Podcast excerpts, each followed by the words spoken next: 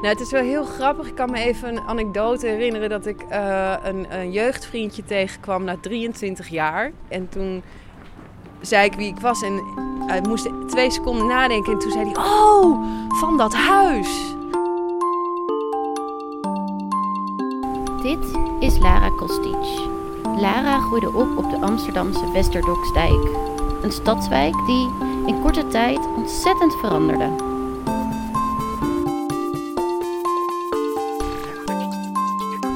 Het begin kan ik me natuurlijk niet heel goed herinneren, maar vanuit de foto's kan je zien dat het eigenlijk gewoon een, ja, een, een kaal industrieel terrein was met vrij weinig.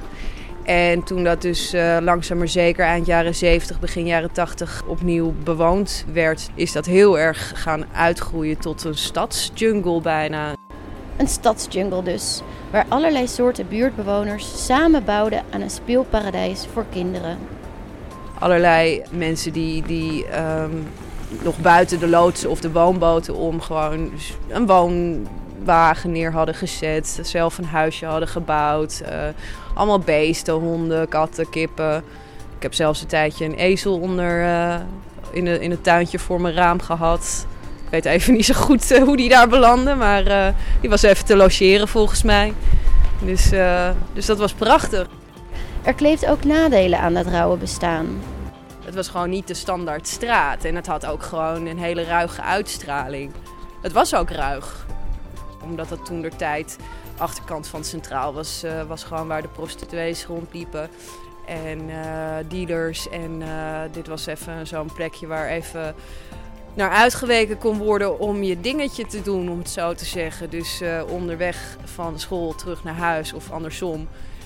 Ja, kon je, kon je spuiten tellen en condooms tellen. En um, dat, dat hoorde er ook bij. Maar bang was Lara nooit goede geel. En uh, ik weet dat er uh, die en die en die en die even naar buiten komen om te kijken wat is er aan de hand. Het is bijna een onuitgesproken gevoel van, van saamhorigheid. Gewoon omdat je een tijd lang met elkaar geleefd hebt op een bepaalde manier op een bepaalde plek. En dat vind ik heel bijzonder. Ja. En heel zonde dat dat, dat dat weg is of dat dat nu alleen maar in, in ons zelf bestaat. Want eind jaren 90 besluit de gemeente de oorspronkelijke bebouwing te slopen en te vervangen door nieuwe appartementen en kantoren. Ik was net 18. Ik was net 18 toen we eruit moesten. Ik ben er zelf bij geweest toen ze uh, uh, gingen slopen en ook dat, dat het dak van mijn huis werd inge, ingebeukt door een enorme grijpkraan of hoe noem je zo'n ding? Bakbeest. Monster. Ik stond, ik stond er gewoon voor. Gelukkig met een lieve vriend van uh, studietijd. En ja, ik stond erbij en ik keek ernaar. met tranen in mijn ogen.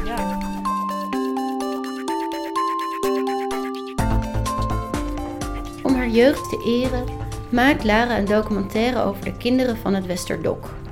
De film moet een sociaal-historisch document worden van twee generaties Westerdokkers die opgroeide tussen de rails. Speciaal voor Radio Zwammerdam geeft ze nu vast een rondleiding van de plek waar ze opgroeide. Ik kijk nu uh, naar de drie torens van de Posthoornkerk. En dat, is dus, dat was mijn eerste kleuterschool. En um, je ziet ook het spoor. Dat, dat vond ik altijd wel een eng stukje.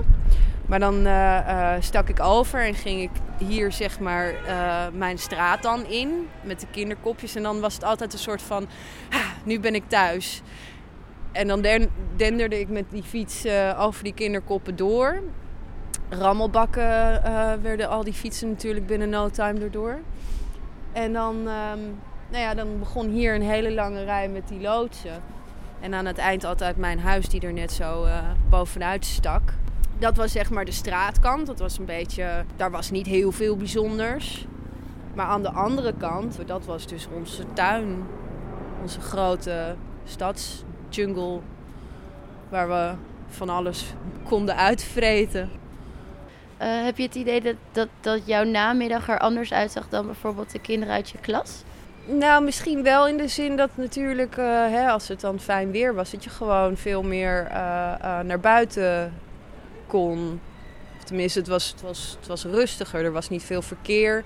Je kon ook lekker veel ontdekken. We gingen ook wel, dat mocht natuurlijk niet, maar dan wel de dijk op onder, het, onder de tralies van het hekwerk van de NS door. En dan daar een beetje dwalen. Um, ja, aardappels poffen tussen de rails en zo. En denk je dat het dan beter is voor een kind om daartussen op te groeien dan hier op de ja, georganiseerde straat? Nou, ik, ik weet niet hoe, hoe kinderen dit nu beleven. Maar ik denk dat als, als je een, een plek hebt waar geen auto's rijden, uh, waar alles een beetje vanuit zichzelf mag zijn, of uh, dat dat misschien wel je fantasie kan prikkelen en en je inspireert. Het Westerdok leverde volgens de documentairemaakster typische stadsbewoners op. Nou, ik heb wel het idee dat we allemaal vrij uh, uh, uh, eigen gereid, zelfstandig en ondernemend en creatief zijn.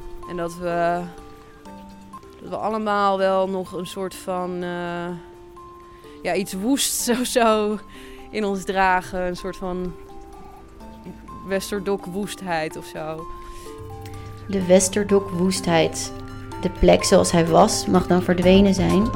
In de harten van de voormalige bewoners leeft de stadstam voort.